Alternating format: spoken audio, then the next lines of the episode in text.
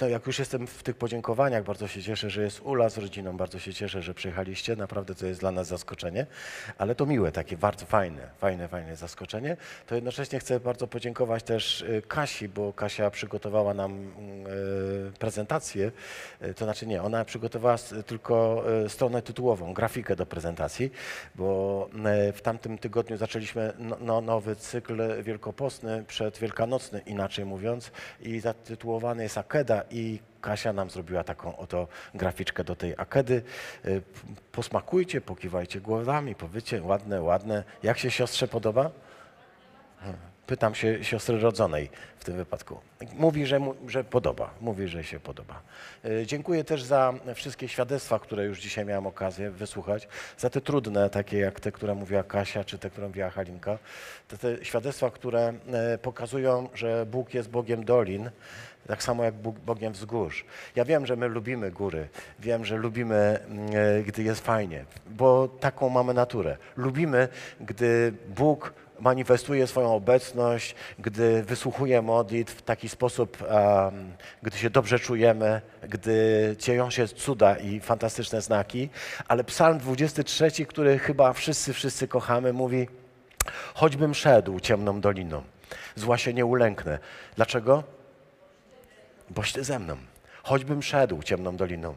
To nie jest tak, że zawsze będę chodził ciemną doliną, ale nawet gdy się zdarzy ciemna dolina, to ona nie dzieje się tak po prostu, e, że, że nagle Boga nie ma. W, w historii religii, jeśli pozwolicie takie zdanie, e, w historii religii jest e, takie przekonanie, że niektórzy bogowie byli bogami określonych miejsc, czyli bogami określonych miast. Poszczególne miasta miały swoje bóstwa.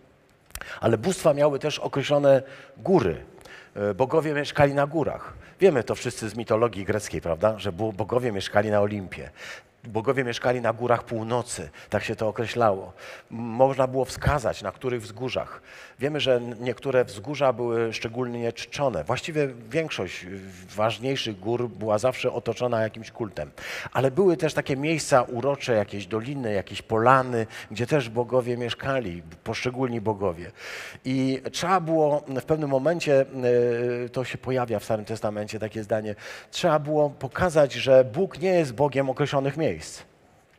Mówili, e, Bóg pokonał nas na górach, bo widocznie Bóg jest Bogiem gór.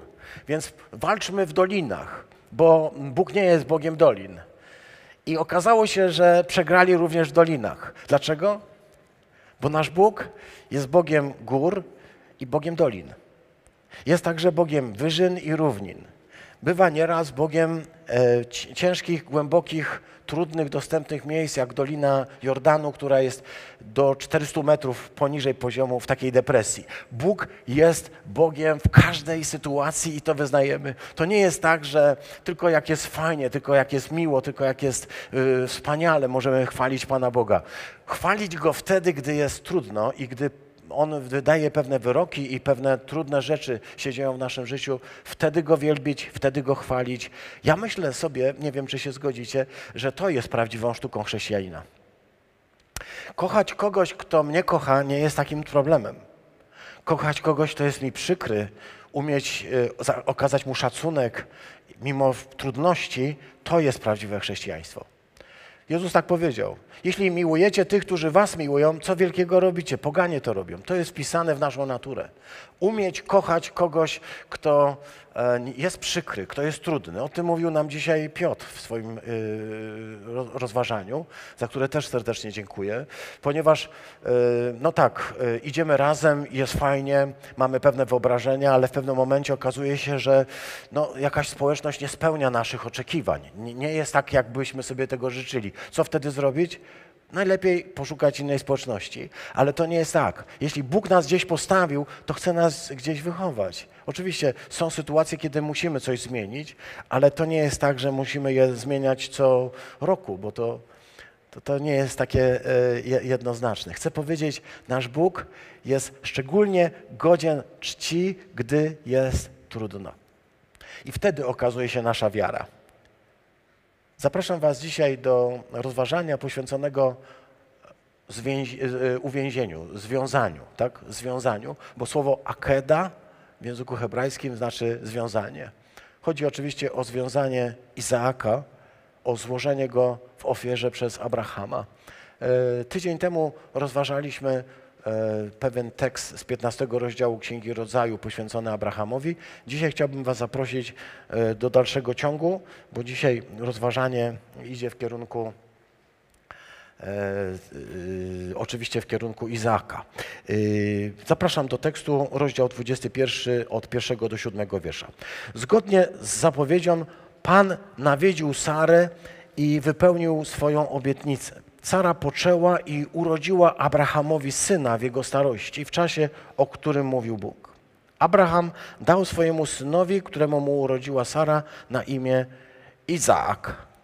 A gdy miał on osiem dni, obrzezał Izaaka zgodnie z tym, jak mu polecił Bóg. Abraham miał sto lat, gdy urodził mu się Izaak. Po hebrajsku Icak. Icak. Stąd Icek nieraz się mówi, nie? Icek. A Sara mówiła: Bóg dał mi powód do śmiechu. Tutaj pojawia się słowo cechok. Tak jak Icak, tak jest cechok. Czyli dał mi powód do, do radości. A każdy, kto usłyszy, będzie się ze, ze mną albo ze mnie, bo to tak zależy, tam niekoniecznie, tam ładnie to brzmi, będzie się ze mną śmiał, ale jakbyście popatrzyli się razem ze mną w ten oryginał, to można przetłumaczyć, każdy się będzie ze mnie śmiał. I tu jest słowo, będzie się śmiał, czyli tu jest słowo Icak, znowu, Icak. A więc Icak już wiemy, że to znaczy po prostu śmiać się. Mówiła jeszcze, kto by się ośmielił rzec Abrahamowi, że Sara będzie karmiła piersią dzieci, a jednak urodziłam syna mimo jego starości. Dziękujemy Ci, Panie Boże, za to, że Ty masz absolutnie doskonałe poczucie humoru i wiesz, jak sprawić, żeby nawet w trudnym czasie e, można było wielbić Ciebie i wysławiać. Chcemy powiedzieć, choćby figi nie zakwitły, urodzaj winnic by znikł, choćby wszystkie owce kto wybił i w zagrodach brakłoby krów, jednak w Panu radość będę miał. Panie, dzisiaj ten tekst niech będzie przewodnią myślą, kiedy wiem, że jesteś Bogiem dolin i gór, ale jesteś też Bogiem uśmiechu i radości. Tobie dzisiaj powierzam to wspólne nasze rozważanie. Bądź z nami i prowadź nasze myśli, abyśmy mogli przyjąć Twoje słowo w imię Chrystusa Jezusa. Amen. Powiedzieliśmy, że e, Abraham jest e, ojcem wielu narodów, jest ojcem wiary. Ojcem wiary dla wielu ludzi. Dzisiaj na Ziemi żyje około 7,5 miliarda ludzi. 3 miliardy 750 milionów ludzi, mówiąc oczywiście w ogólnym przybliżeniu, to ludzie, którzy wiążą swoją wiarę z Abrahamem. To są Żydzi, to są chrześcijanie, to są ludzie e, islamu, którzy, dla których Abraham jest bardzo ważną figurą i o, której, o którym mogą powiedzieć, że, są, że y, jest ojcem wiary. Jest ich ojcem wiary. E, jest źródłem, jest pewnym motywem Chcę powiedzieć, e, gdy przyglądamy się Abrahamowi i gdy go poznajemy, to właśnie po to, żeby poznać lepiej mm, swojego ojca, bo to jest ważna rzecz. Ale zwrócę uwagę na to, że dzisiaj połowa mieszkańców naszego globu, naszej ziemi, to ludzie, którzy, e, czy prawie połowa dokładnie rzecz biorąc, to ludzie, którzy wiążą się z Abrahamem. A to dlatego, że Bóg mu kiedyś obiecał, że będzie ojcem wielu narodów.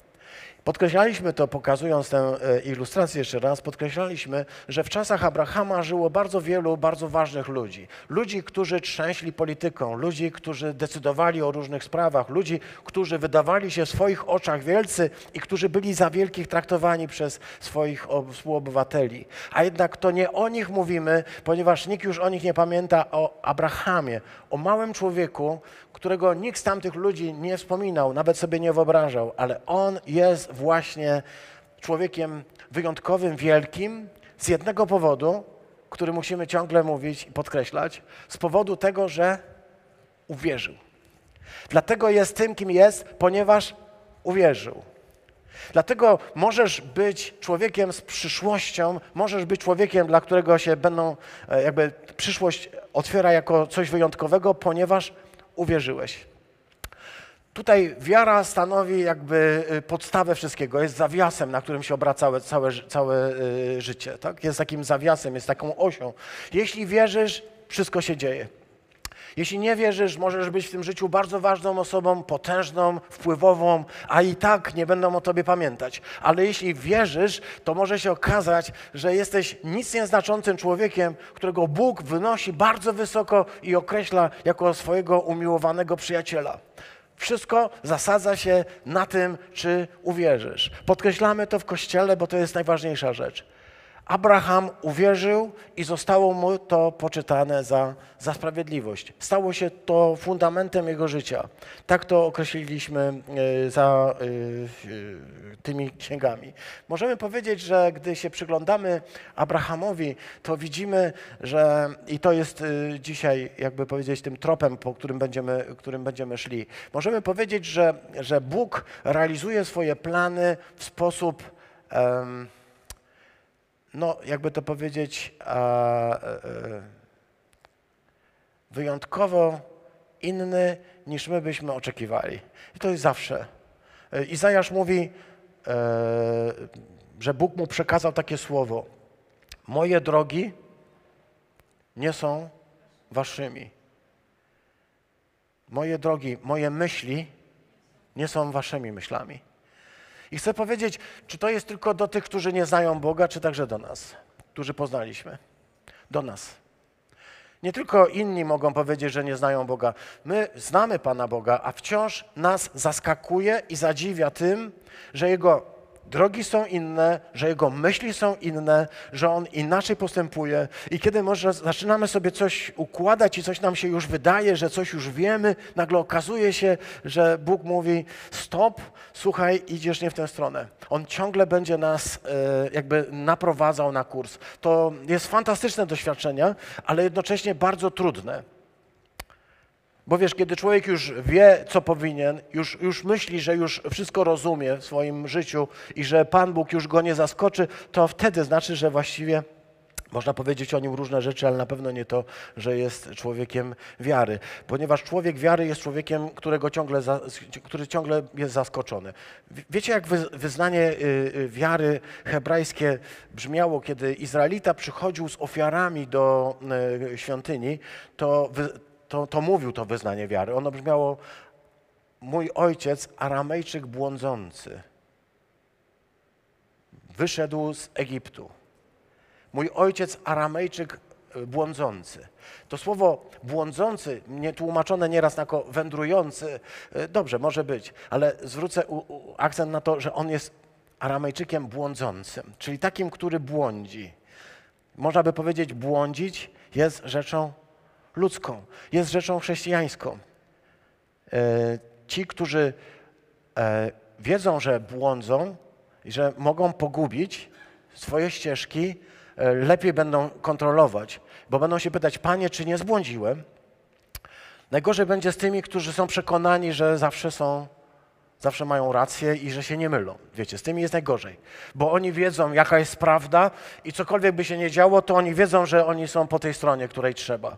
Natomiast e, to wyznanie mówi, Aramejczyk, twój ojciec błądzący, człowiek, który nie, nie wstydził się tego, że, że błądził. Pokazywaliśmy to w rozważaniach o Abrahamie w czwartki wiele razy. Człowiek, który się mylił. Nie dlatego jest naszym ojcem, bo się mylił, ale jest częścią naszego doświadczenia.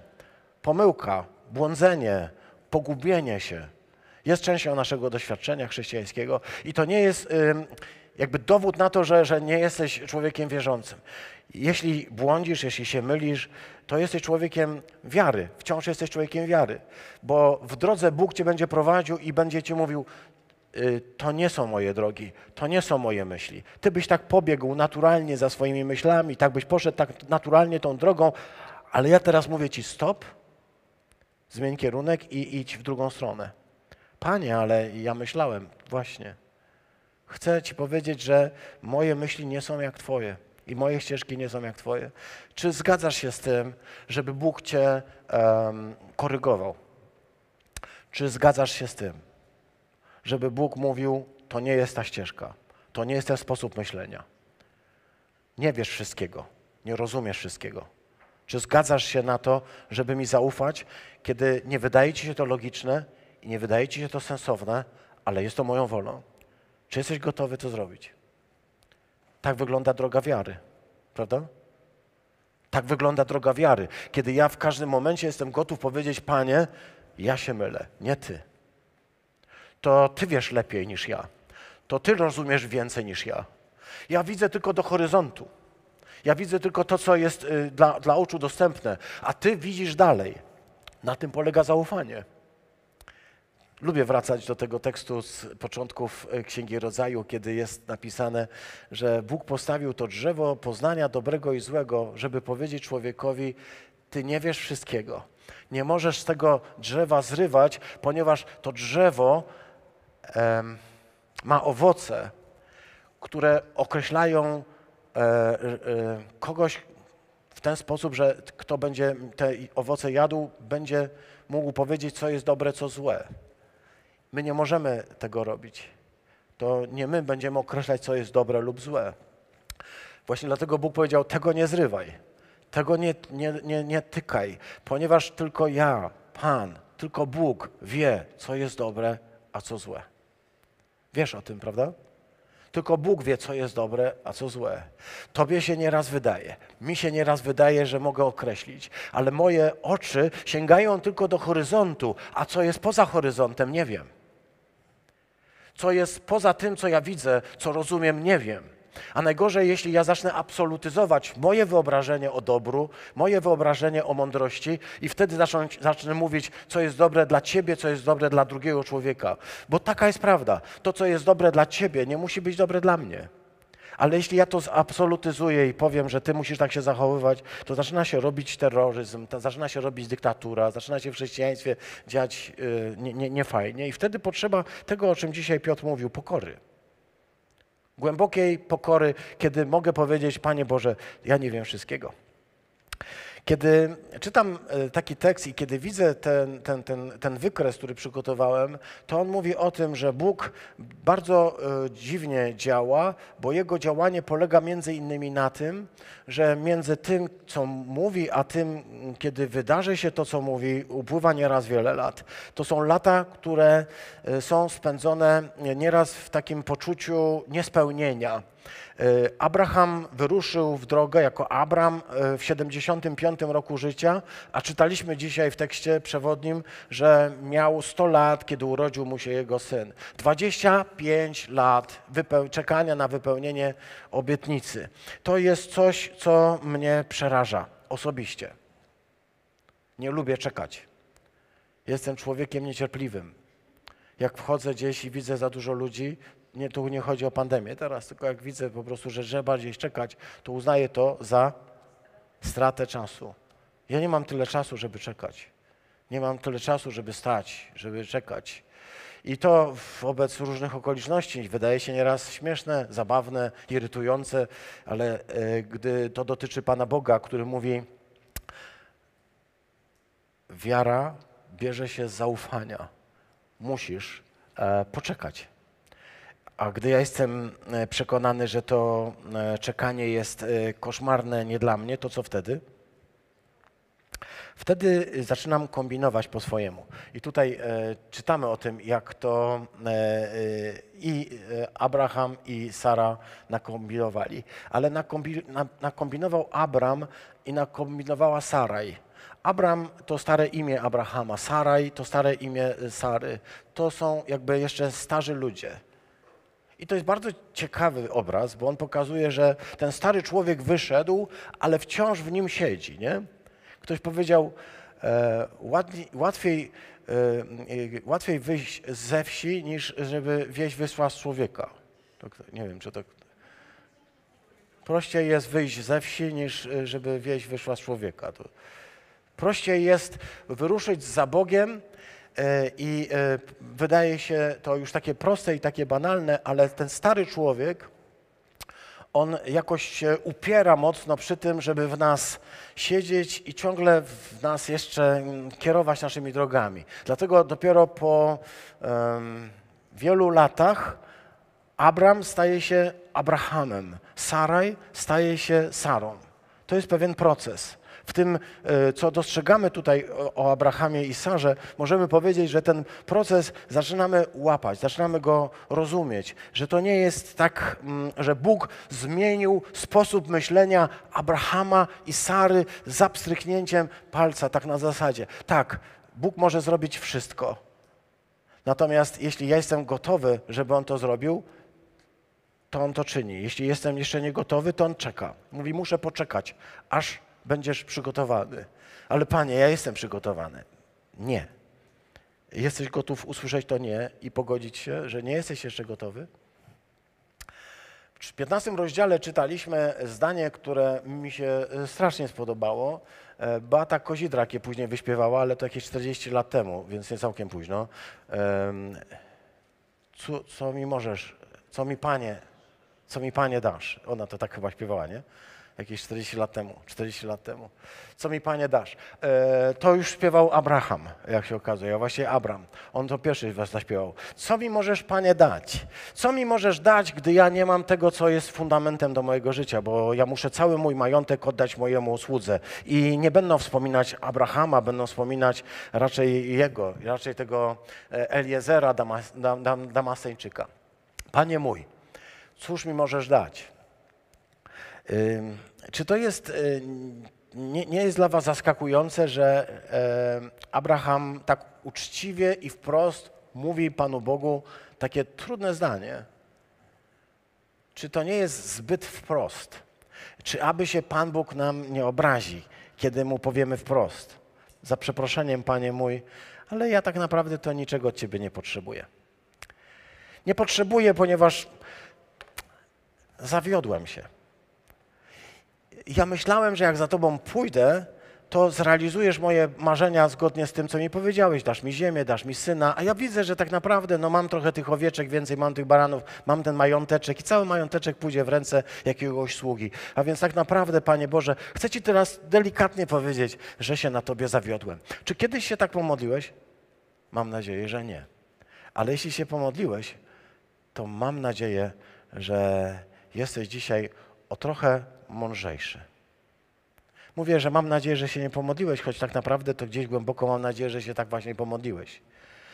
Ja bardzo bym się bał tego, żebyśmy jako em, Jego lud em, okazywali Mu absolutną szczerość i głębokie zaufanie do tego, co On robi, ale to znaczy także, że powiedzieć Mu szczerze o tym, że jestem zrozpaczony, że, jest, że czuję się zawiedziony, że niezrealizowany, że nie dzieją się rzeczy tak, jakbym tego oczekiwał, że nie wszystko jest tak, jakbym sobie to poukładał, żebym mógł mu to powiedzieć. Wiecie, bo ja myślę sobie, że e, on nie potrzebuje ludzi religijnych, z religijnymi minami, z religijnymi postawami, ludzi, którzy wiedzą, że jego nie należy denerwować. Ja nie wiem, on mówi tak, ja chcę, żebyście mnie czcili w duchu i w prawdzie żebyście mnie czcili autentycznie. Nie tak, wiesz, ładne frazesy, ładne słowa, ładne modlitwy, żebyście mi mogli powiedzieć szczerze, bo Abraham jest naszym wzorem. A on szczerze mówi: Panie, nic więcej nie możesz mi dać, bo to, czego się naprawdę spodziewałem, tego nie dostałem i już dzisiaj nie dostanę, wiem. Może jak sobie coś załatwię sam. Bo i sobie załatwił. Czytaliśmy o tym, prawda? Załatwił sobie e, e, jakby dziedzictwo na e, swoją własną, na swoją własną wizję, o tym mówiliśmy. Gdy czytamy tę historię o tym, w jaki sposób pojawia się na świecie Izaak, temat dzisiejszego naszego rozmyślania, to pojawia się w bardzo szczególnych okolicznościach, a właściwie zanim się pojawi, nastąpiły szczególne okoliczności. Tu mamy piękną ikonę Rublowa, Trójca Święta, nie wiem czy ją znacie, ale ci, którzy chodzili na czwartkowe rozważania, na pewno ten, tego Rublowa znają. To jest bardzo piękna ikona, z, chyba z XVII wieku, bo Rublow w tym czasie żył, więc raczej z XVII wieku. E, Ikona, która ma przedstawić pewne napięcie związane z, e, z tym spotkaniem z Ab- z Abrahamem. Ja sobie tak myślę, może to jest za daleko posunięty wniosek, ale pozwólcie mi snuć moje rozmyślanie i jeszcze nie krytykujcie, zanim y, jakby to też nie osadzi się trochę w waszym myśleniu.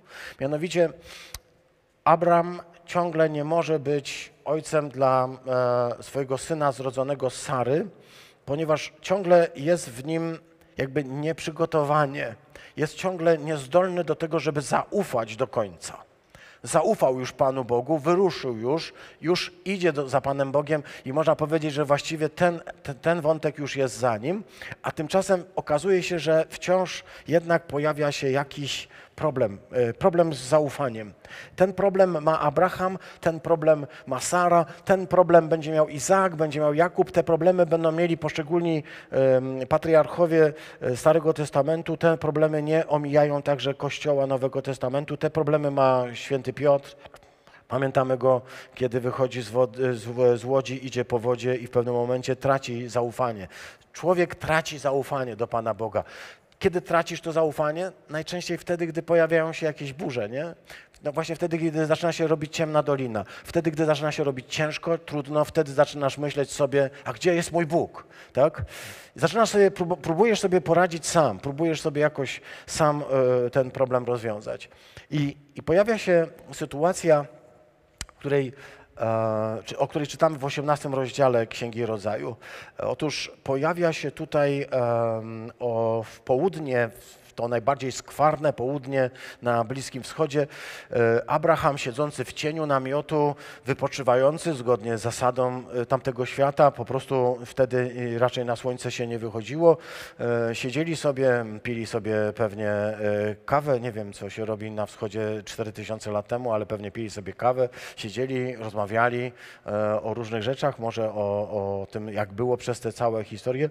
I w pewnym momencie zobaczył Abraham trzech ludzi, ludzi, którzy idą w jego stronę i przechodzą, jakby chcieli go minąć, jakby chcieli go minąć i on do nich się zwraca, y, choć było ich troje, to zwraca się do nich per y, panie, czyli w liczbie pojedynczej. To jest ta tajemnica, którą święty Augustyn powie, że jest jakby ukrytym dowodem istnienia Trójcy w Starym Testamencie, bo tutaj będzie bardzo dziwnie. On raz będzie mówił do nich w liczbie mnogiej, a raz w, raz w liczbie pojedynczej. Tu akurat mamy tę liczbę pojedynczą. Panie, to jest wiersz trzeci 18 rozdziału. Panie, jeśli znalazłem łaskę u Ciebie, to proszę nie omijaj mnie. Jest to taka modlitwa, która mi się strasznie podoba i chciałbym Was zaprosić do takiej modlitwy. Panie, jeśli znalazłem łaskę w Twoich oczach, to proszę nie omijaj mnie. E, oni robili wrażenie, jakby chcieli pójść dalej e, i on mógłby uznać, że no wiesz, szli sobie jacyś ludzie, jacyś goście, przechodzili dalej, i to nie jest mój, mój, moja sprawa, to nie jest e, jakby mój interes, to jest ich sprawa, chcą się zatrzymać. Ale on wybiega im naprzeciw i prosi, błaga, żeby nie omijali jego namiotu.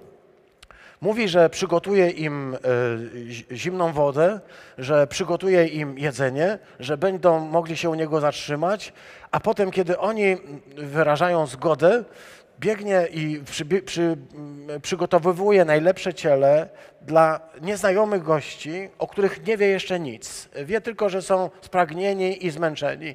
I to jest jakby e, sytuacja, która pokazuje coś wyjątkowego. Ja powiedziałam, że e, proszę jeszcze mnie nie oskarżać o herezję, póki nie dokończę, bo ja chcę powiedzieć, że mm, Abraham, Abraham nie mógł być człowiekiem, e, nie, nie mógł stać się dla chrześcijan takim wzorem, jakim się stał, dopóki nie przyjął e, Trójcy Świętej.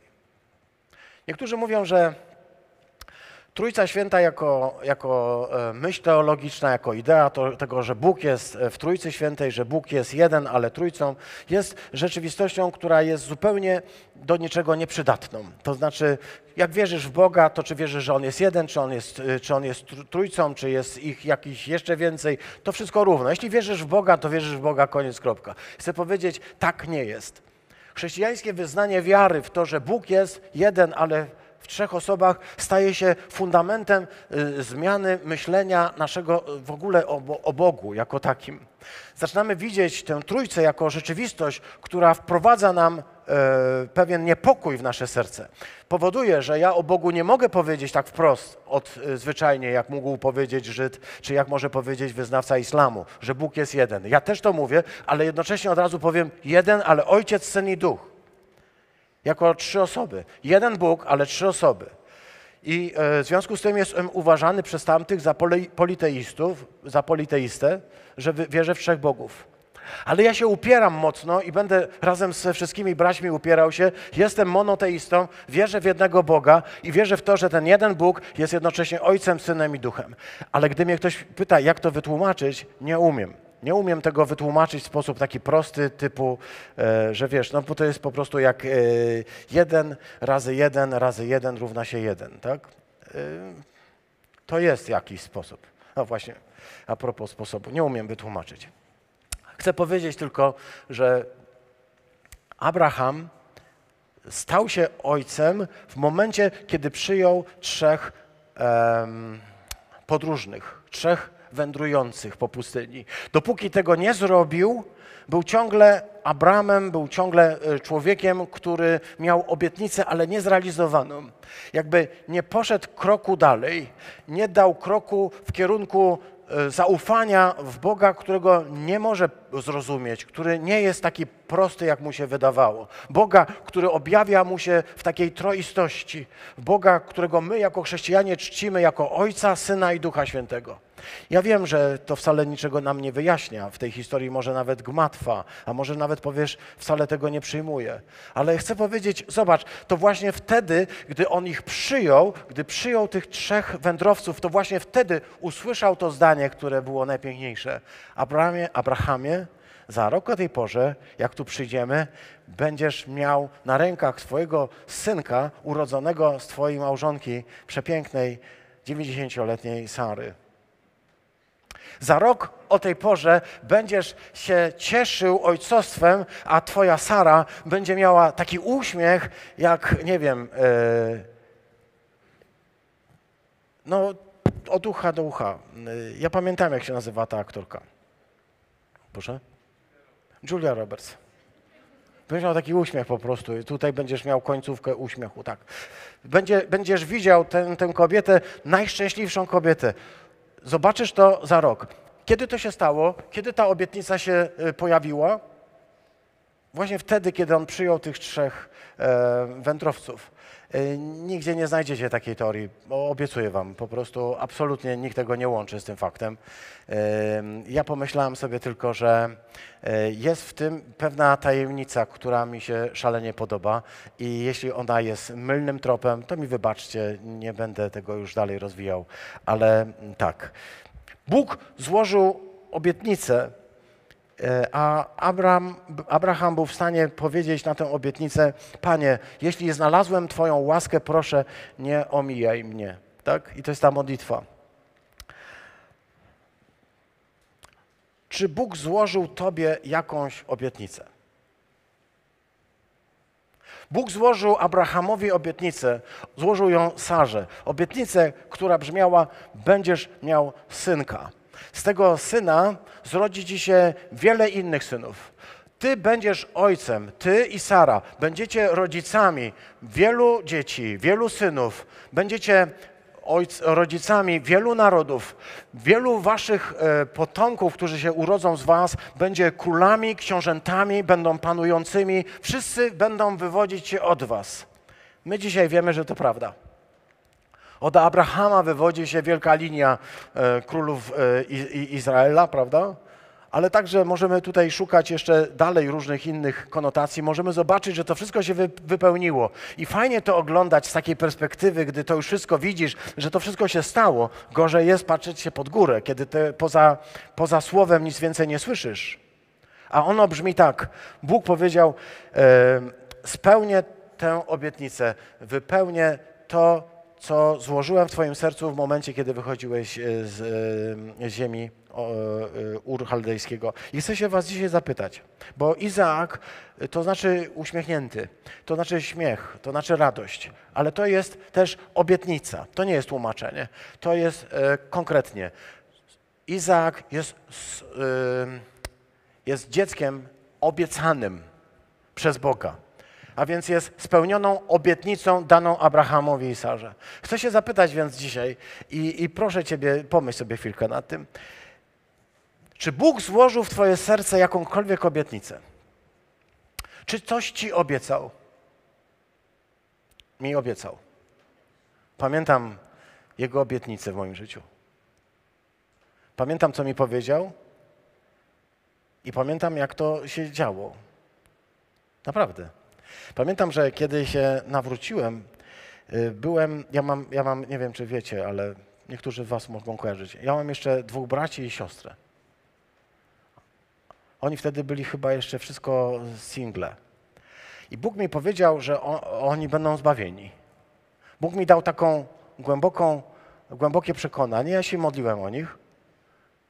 Oni mogą mi to potwierdzić. I po kolei się nawracali.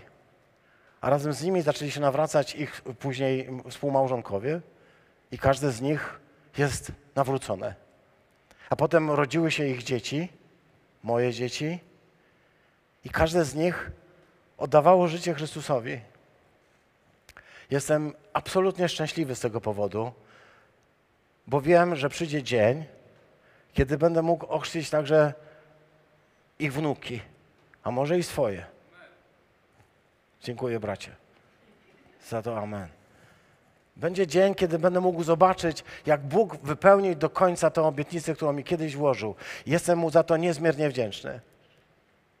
Prosiłem Go o to, yy, bo ja pacyfistą jestem. Prosiłem Go o to, żebym nie musiał iść do, do wojska. To były czasy, kiedy, wiesz, to było 80. lata, początek, to był ciężki stan, trudny stan, e, no, stan wojenny. Ja chodziłem wtedy do szkoły, ale potem, kiedy skończyłem, było duże prawdopodobieństwo, że wyląduję e, w wojsku, a, a wiedziałem, że no, nie pójdę do wojska, bo, bo jestem pacyfistą z przekonania. W związku z tym trafiłbym do więzienia. I, I młody człowiek na dwa lata do więzienia, prawda, i tak bym rozpoczął. Nie mógłbym pewnych prac podjąć po więzieniu, tak? Na przykład nie mógłbym pracować z dzieciakami, nie mógłbym zostać nauczycielem, nie mógłbym pewnych rzeczy robić. Prosiłem go i on mi powiedział, zachowam cię od tego. Nie wiem, czy to dobrze, czy nie, w tym sensie. Ja nie chcę teraz mówić, że ci, którzy poszli, ja mam takie przekonania pacyfistyczne, ale szanuję także wszystkich żołnierzy i tych, których Pan Bóg w tej służbie wykorzystuje. Dzisiaj jestem na pewno dużo mądrzejszy niż wtedy, ale wiedziałem wtedy, że nie pójdę. I Bóg mi powiedział, nie, nie pójdziesz. I wiecie, że tak zrealizował, że dostałem bilet do wojska, do jednostki w Słupsku. Dostałem bilet do wojska. Wiedziałem, że trzeba przyjąć ten bilet, ponieważ jak nie przyjmę biletu do wojska, to pójdę siedzieć za to, że nie przyjąłem, a potem pójdę siedzieć za to, że odmawiam e, służby wojskowej, że to są dwie różne rzeczy. Więc należy przyjąć bilet, a potem pójść do, e, nie zgłosić się, tylko pójść po prostu od razu do, do tego i powiedzieć, że ja ten bilet mam, ale ja e, nie, nie, nie przyjmę i wtedy mnie wsadzą do więzienia na dwa lata. No taką miałam wizję, takie miałam przekonanie. Nie, nie wiem, czy kiedykolwiek o tym mówiłem. Kiedy wziąłem ten bilet, poszedłem na badania oczu i pani mi napisała wadę moją, moich oczu i ja poszedłem z, tym, z tą wadą do pana, pamiętam kapitana, wiem jak się nazywa. To są takie rzeczy, które człowiek po 40 latach będzie pamiętał. Poszedłem do tego pana kapitana, dałem mu ten bilet i dałem mu moje badania i powiedziałem i zrób pan coś z tym. I on przy mnie bardzo wściekł się, wziął ten bilet i go podarł. I napisał mi w kategorii E czyli po prostu nawet nie D. Po prostu E. Wiecie, ja nie wiem, ja nie pamiętam, e, kiedy byłem szczęśliwszy od tego momentu, kiedy ja wyszedłem od Niego.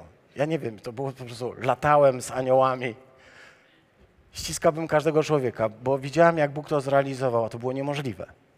Wiesz, w wojsku, w PRL-u, Mogłem być ślepy jak kret i tak i tak by mnie wzięli, wiesz, do kuchni, żebym ziemniaki obierał, cokolwiek, nie wiem. Czy Bóg złożył ci kiedyś jakąś obietnicę? Coś ci obiecał? Czy kiedyś coś ci obiecał? O tym dzisiaj e, chcę wam mówić. Czy Bóg obiecał każdemu z nas, że będzie miał męża czy żonę? Czy obiecał każdemu z nas, że będzie miał męża czy żonę? Czy obiecał, że będziecie mieli dzieci? Czy obiecał nam, że będziemy zawsze zdrowi? Że będziemy żyli długo i szczęśliwie? Że nie dotknie nas nigdy żadna choroba? Czy obiecał nam, że ponad wszystko kiedyś pewnego dnia zobaczysz po prostu tutaj na ziemi Chrystusa Jezusa i, i nie umrzesz, bo po prostu On przyjdzie? Czy to obiecał nam?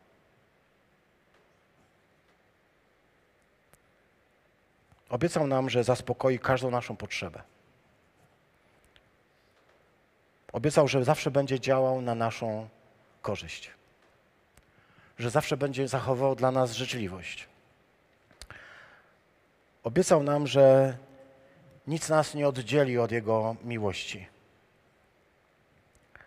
Że dokończy w nas wszystko to, co rozpoczął. Że dokończy całe to dzieło zbawienia, które w nas rozpoczął. Obiecał nam, że nie tylko rozpoczął, ale dokończy. Obiecał nam zbawienie. Obiecał nam, że staniemy się synami, że będziemy Jego dziećmi. Obiecał nam sprawiedliwość, nowe życie, obiecał nam wolność, obiecał nam to, że będzie z nami po wszystkie dni, aż do skończenia świata. Obiecał nam, że nigdy nas nie zostawi, obiecał, że nas nigdy nie porzuci, obiecał, że będzie z nami po wszystkie dni, aż do skończenia świata. To są Jego obietnice, które nam złożył. Znasz je.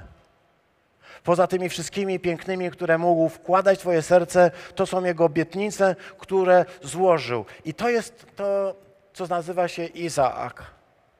To jest obietnica, która się spełni. Obietnice, które się spełniają.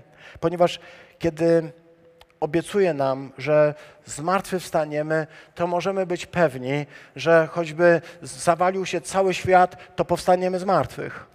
Jeśli obiecuje, że nigdy cię nie zostawi i nie porzuci, to choćbyś, nie wiem co, choćby się wokół ciebie rozpętało się piekło całe, choćby wszystkie demony wokół ciebie szalały, to jeśli On powiedział, że cię nie opuści i nie zostawi, to możesz być pewny, że będzie z tobą, bez względu na to, co się dzieje. Jeśli On ci obiecał, że cię będzie słuchał i że cię wysłucha, to możesz być pewien, że na pewno to zrobi, bo On jak obiecuje, to spełnia tym się różni od nas. Nie zawsze potrafimy zachować słowo, które daliśmy. On, kiedy obiecuje ci, że coś uczyni, to możesz być pewien, że to zrobi. Jeśli obiecał ci pokój w swoim sercu, to wiesz, że nawet gdyby się działy naprawdę trudne rzeczy, pokój w sercu będziesz miał. Pomimo okoliczności będziesz mógł powiedzieć: Zachowałem pokój w sercu, nie rozumiałem czemu, nie wiem jak, a On mi dał tyle pokoju, że mogłem przejść przez to wszystko, co się działo. Chcę powiedzieć dzisiaj, w ten trudny czas, ten trudny czas, kiedy mamy dużo ograniczeń, kiedy nie możemy się schodzić razem, kiedy jest nam tak ciężko i kiedy przychodzą różne wiadomości, że robi się jeszcze trudniej, jeszcze ciężej, jeszcze gorzej Chcę Ci powiedzieć, pomimo wszystkich tych okoliczności, które się dzieją, Bóg Ciebie nie opuścił, ponieważ dał Ci obietnicę, którą złożył w Twoje serce, że Cię nie pozostawi, nie porzuci, że bez względu na to, co się dzieje, będzie z Tobą. Wierzysz Mu? Abraham uwierzył. Abraham zaufał Panu Bogu, chociaż to nie miało kompletnie sensu. On miał 100 lat, 99. Jego żona 89 to nie są sytuacje, kiedy można mm, by powiedzieć, że to jest do zrealizowania. Rodzicielstwo w wieku 90 lat, rodzicielstwo w wieku 100 lat. Przynajmniej dla Abrahama i jego pokolenia nie było to normalne. Dla tamtych czasów to było tak absurdalne. Zresztą zaczyna się całe to opowiadanie od 11 rozdziału 30 wiersza Księgi Rodzaju, gdzie jest powiedziane, a Sara była bezpłodna i nie mogła mieć dzieci. To takie semickie, nie? Była bezpłodna i dodatkowo jeszcze nie mogła mieć dzieci. Była bezpłodna i nie mogła mieć dzieci. Żeby nie było tak, że była bezpłodna, ale mogła mieć dzieci. Nie, ona była tak bezpłodna, że nie mogła mieć dzieci. Po prostu kategorycznie była bezpłodna. Tak jednoznacznie. Była, nie mogła mieć dzieci i była kompletnie bezpłodna. To jest zresztą notabene bardzo ciekawe, ponieważ pokazuje nam, że mm, po spotkaniu e, z Trójcą, e, po spotkaniu z Bogiem w Trójcy, po spotkaniu w tym namiocie e, zdarzyła się fenomenalna rzecz, tak? Trudna do uchwycenia i prawdziwa. Kiedy Bóg powiedział Abrahamowi, nie będziesz nie będziesz e, na swoją żonę mówił dalej e, Saraj, Saraj, nie będziesz do niej tak mówił, bo ta końcówka aj to nie jest końcówka hebrajska, to jest ugarycka. Ja chcę, żeby ona była taka normalna, hebrajska. Wyrzucę jej J, e, Jotę, a dodam jej He do jej imienia, więc będzie Sara, czyli księżniczka. Tak najprościej mówiąc. A tak naprawdę to taka no, no, osoba wyjątkowo dystyngowana. Dzisiaj e, Sara to jest e, określenie e, takiej pani, na przykład pani minister, to jest po prostu Sara, to jest w języku hebrajskim współczesnym jest określenie minister, kobiety minister, Sara. Bo szar, szar to jest książę, a szara to jest po prostu szara. Sara w tym sensie jest, jest księżną, ale także w ogóle osobą dystyngowaną, jest taką osobą, która jest y, wyjątkowa w znaczeniu także mm, je- jedyna w swoim rodzaju, y, wysoko postawiona. Y, Nie będziesz na nią więcej mówił Saraj, Saraj, bo to nie po hebrajsku. Mów na nią Sara normalnie, Sara. I dalej mówi, pobłogosławię jej i dam ci z niej syna. I będziesz jej nadal, i będę jej nadal błogosławił, tak że stanie się ona matką ludów i królowie będą jej potomkami. Słyszysz? I królowie będą jej potomkami. Jej, 90-letniej, bezpłodnej kobiecie. Bóg powiedział, że będzie matką nie tylko dzieci, nie tylko synów, ale będzie matką królów. I ty wiesz, że to prawda. Stała się matką królów. Dlaczego? Bo uwierzyła. Klucz. Dlaczego? Bo Bóg tak powiedział. Obietnica.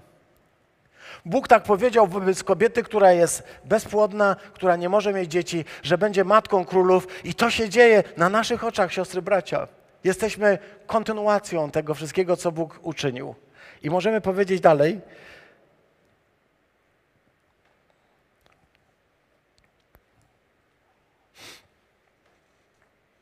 17 wiersz, podkreśliłem go tutaj. I upadł Abraham na twarz. Upadł na twarz, żeby oddać Bogu chwałę? Upadł na twarz, by powiedzieć, jaki jesteś kochany? Upadł na twarz, żeby mu mówić, Panie Boże, jesteś wielki, dziękuję Ci bardzo. Dlatego upadł na twarz? Nie. Upadł na twarz, ponieważ nie wyrobił ze śmiechu. Jest napisane, padł na twarz i tak się śmiał, tak się śmiał. Bo pomyślał sobie, Panie Boże, Ty się chyba nie znasz na biologii. Panie Boże, Ty nie wiesz y, chyba wszystkiego, co, co, co ja wiem. Ja wiem, że stuletni facet, ja wiem, że 90-letnia kobieta, ja to wiem. Widać, y, Panie Boże, mało się znasz na ludziach. Masz takie wrażenie? Pan Bóg, który się słabo zna na człowieku. Abraham przyjął to zdanie, które mu Bóg powiedział, z taką, y, bym powiedział, nie tylko niewiarą, ale z taką niewiarą, której e, to po prostu śmiał się, aż padł ze śmiechu, tak bym to określił. Padł ze śmiechu na twarz i mówił, to przecież to jest po prostu bardzo dobry dowcip. Ja chcę powiedzieć, że e, to przyjmowanie wiarą dzieje się w sposób, który nie jest taki prosty. To znaczy, on nie stanął na baczność i nie powiedział, tak jest. Są jego emocje, są jego e, myśli, e, jest cała jego, e, jego skomplikowanie i, i to, że zaraz, zaraz, przecież to się w ogóle nie mieści w głowie. Jest to wszystko, ponieważ to wszystko towarzyszy Abrahamowi i mi się z tego powodu strasznie miło to mówi że to nie jest tak po prostu, wiesz, to nie jest wojsko. On nie stanął, nie powiedział na baczność, tak jest, Panie Boże, będę miał syna, tak jest. Moja żona 90-letnia będzie miała y, synka, tak jest, Panie Boże, tak jest. Do roboty, no to od, odmaszerować, nie? To nie tak. W nim są emocje, są reakcje, jest niezadowolenie, jest śmiech, jest niedowierzanie. To wszystko jest. Chcę Ci powiedzieć, że to jest takie piękne, że nasze życie chrześcijańskie właśnie na tym polega, że to się wszystko ze sobą kotłuje. Że to nie jest tak, że po prostu ktoś jest tylko jednoznacznie zawsze wierzący, a ktoś ma problemy. Abraham był człowiekiem z tymi wszystkimi napięciami i to jest fenomenalne. I to jest fajne. Ale gdybyśmy. em, a, a jeszcze dodatkowo, tutaj jest jeszcze napisane. Powiedział Pan Abraham do Pana Boga: Panie Boże, oby tylko mój syn Izmael żył, to, to już będę za- zadowolony, już będzie dobrze. ty się znasz na ludziach, ale powiedzmy sobie tak, pobłogosław choćby tego mojego syna, produkt moich własnych kombinacji. Już będę Ci wdzięczny, już będzie fajnie. Jak już on będzie, to ja już będę szczęśliwy, bo już tego wszystkiego Eliezerowi, Damasyńczykowi nie oddam, ale już będę miał to choćby w takim kształcie, to jest jednak moje, moja krew. A więc tutaj widać, że, że ta wiara Abrahamowi przychodzi z pewnym trudem, tak? Że nie jest naturalna. Może dlatego, że wiara jest nienaturalna. Że naturalna jest niewiara. Człowiekowi niewiara przychodzi w sposób naturalny. Staremu człowiekowi przychodzi w sposób naturalny. Jeżeli nie możesz zaufać, to jest to naturalne. Bo wszystko ci mówi, że to jest niemożliwe. Wszystko ci mówi, że to jest nierealne. I właśnie dlatego wiara pierwsza, niewiara pierwsza się przy, przy, przykleja do człowieka i mówi, to niemożliwe, to się nie uda, to tak nie wyjdzie. Ale potem dopiero powolutku zaczyna dochodzić do człowieka coś takiego, bo Bóg mówi, ależ nie. Właśnie, że twoja Sara urodzi ci syna i z nim zawrę przymierze. I wiesz, co zrobił Abraham, kiedy Bóg dalej z nim rozmawiał? Uwierzył. Znowu uwierzył. Ale to było jego uwierzenie, a, a, a Sara ma swoje uwierzenie. Kiedy przyszli do niego, tam ci trzej do tego namiotu, czytamy, rzekł do niego, choć aż trzech było, tak? Rzekł do niego, wrócę do ciebie za rok, a Sara, żona twoja, będzie miała syna. Ja, ja, zwrócę uwagę tylko na to, że za rok, ponieważ tam oryginalnie jest napisane, gdy będzie czas życia. Więc tutaj część biblistów y, mówi, a może także tradycja żydowska, że to y, y, znaczy wiosna. Czyli wrócę do ciebie na wiosnę, za rok. Bo ten czas życia tak się określa, ale to nie jest jednoznaczne duża część y, tradycji żydowskiej mówi, że Izaak w związku z tym na podstawie tego tekstu na, narodził się na wiosnę. A dokładnie powiedzą, że narodził się w święto Paschy. To będzie miało swoje znaczenie później dla wydarzeń Jezusa Chrystusa, ale my o tym na razie nie będziemy mówić. Izaak narodził się na wiosnę. Pan powiedział: Przyjdę do ciebie, jak czas życia się rozpocznie, czyli jak znowu życie wybuchnie. Widziałem bociana w tym tygodniu, a nawet nie jednego. Osiem. E, latało w pogrodziu nad e, e, tym takim domem, chyba to jest ośrodek zdrowia. Znaczy będą żyć. Osiem bocianów latających, fantastycznych w, w tym tygodniu. Wiosna. Sara zaś słuchała przy wejściu do namiotu i Abraham i Sara byli starzy, to trzeba ciągle podkreślać. Pamiętajcie, oni byli starzy. Byli starzy i na dodatek byli w podeszłym wieku. Sprawdzałem to na 100 sposobów. Oni nie tylko byli starzy, ale jeszcze byli w podeszłym wieku. I to też się ciekawe jest, bo to zawsze tak autor będzie podkreślał. Byli w podeszłym wieku i na dodatek byli starzy. Tak, żeby nie było. Tak? Była bezdzietna i na dodatek nie miała, i była bezpłodna na dodatek. Nie miała, nie, nie. U Sary ustały już przypadłości właściwie kobietom i wtedy czytamy, że zaśmiała się Sara do siebie mówiąc, czy po takim czasie, kiedy się już zestarzałam, ja mam zażywać przyjemności? No bo przecież i mój pan Abraham jest już y, stary. No jeszcze ja to tak, ale on. I wtedy pojawia się to zdanie, a dlaczego Sara się śmieje? I ona idzie w zaparte i mówi, nie śmiałam się. A Pan jej powiedział, nie, śmiałaś się. A ona, nie śmiałam, śmiałaś się, nie śmiałam, śmiała. Dyskutowali długo i byli szczęśliwi. E, chcę zwrócić Waszą uwagę, że reakcją człowieka na sytuację, o której tutaj mówię, e, jest no po prostu śmiech i niewiara. A potem zdarzył się cud. I tym kończę. Zgodnie z zapowiedzią Pan nawiedził Sarę i wypełnił swoją obietnicę. Sara poczęła i urodziła Abrahamowi syna w jego starości, w czasie, o którym mówił Bóg, czyli znowu ten czas na wiosnę się Zgodnie z zapowiedzią Pana, Pan nawiedził Sarę, Pan nawiedził Sarę i wypełnił swoją obietnicę. Pan nawiedził Sarę, by w niej e, uzdrowić to, co było chore, to, co było źródłem jej problemu, to, co było źródłem, powodem, dla którego ona nie mogła mieć dzieci. Pan ją nawiedził. To nawiedzenie oznacza w tym wypadku poprawę, zmianę. Nie stałaby się. Yy, matką w, w, e, Izaaka, nie stałaby się matką królów, gdyby Pan jej nie nawiedził, gdyby Pan nie przyszedł, żeby ją uzdrowić i żeby ją uleczyć z tej bezpłodności, która była jej źródłem. Gdyby to wszystko się nie stało, gdyby Pan nie przyszedł, nie byłoby tego wszystkiego i nie opowiadalibyśmy, ale to wszystko się stało, ponieważ Pan ją nawiedził. I to nawiedzenie było nawiedzeniem ku uzdrowieniu. I to jest coś takiego, co to nie, to nie dzieje się tak po prostu, jak się nam nieraz wydaje, że to po prostu em, Sara urodziła. Nie, Sara urodziła, ponieważ Pan przyszedł, ponieważ ona go przyjęła, ponieważ ona w niego uwierzyła, ponieważ ona mu zaufała. Coś, co stało się na początku blokadą, śmiech, niedowierzanie, zostało przełamane i Bóg mógł zacząć uzdrawiać to, co było w niej chore i co stało się źródłem jej niemocy. A i więcej, dał dal, daleko więcej. Chcę, chcę powiedzieć na koniec, y, kiedyś czytałem jakąś y, książkę o C.S. Lewisie. On był ateistą, jak wiecie, ten C.S. Lewis, ten od, od Narni. On był ateistą. Jako ateista przeczytałem gdzieś, że poszedł kiedyś do zoo. Poszedł rano do zoo i kiedy wrócił z zoo, był już wierzący. Nie wiem, co on tam zobaczył, kogo spotkał. Nikt o tym nie mówił. Ale tego wieczora wrócił do domu, był już wierzący. Bóg działa właśnie w taki zaskakujący sposób, kiedy zaczyna uzdrawiać, przemieniać. Dzieje się to w ciszy, dzieje się to w pewnej samotności, gdy Bóg nas nawiedza. I to jest fenomenalne i za to jestem mu wdzięczny. Za to, że Bóg będzie się śmiał, że śmiała się Sara, że śmiał się Abraham, a na koniec roześmiał się Pan Bóg i powiedział właśnie, że tak.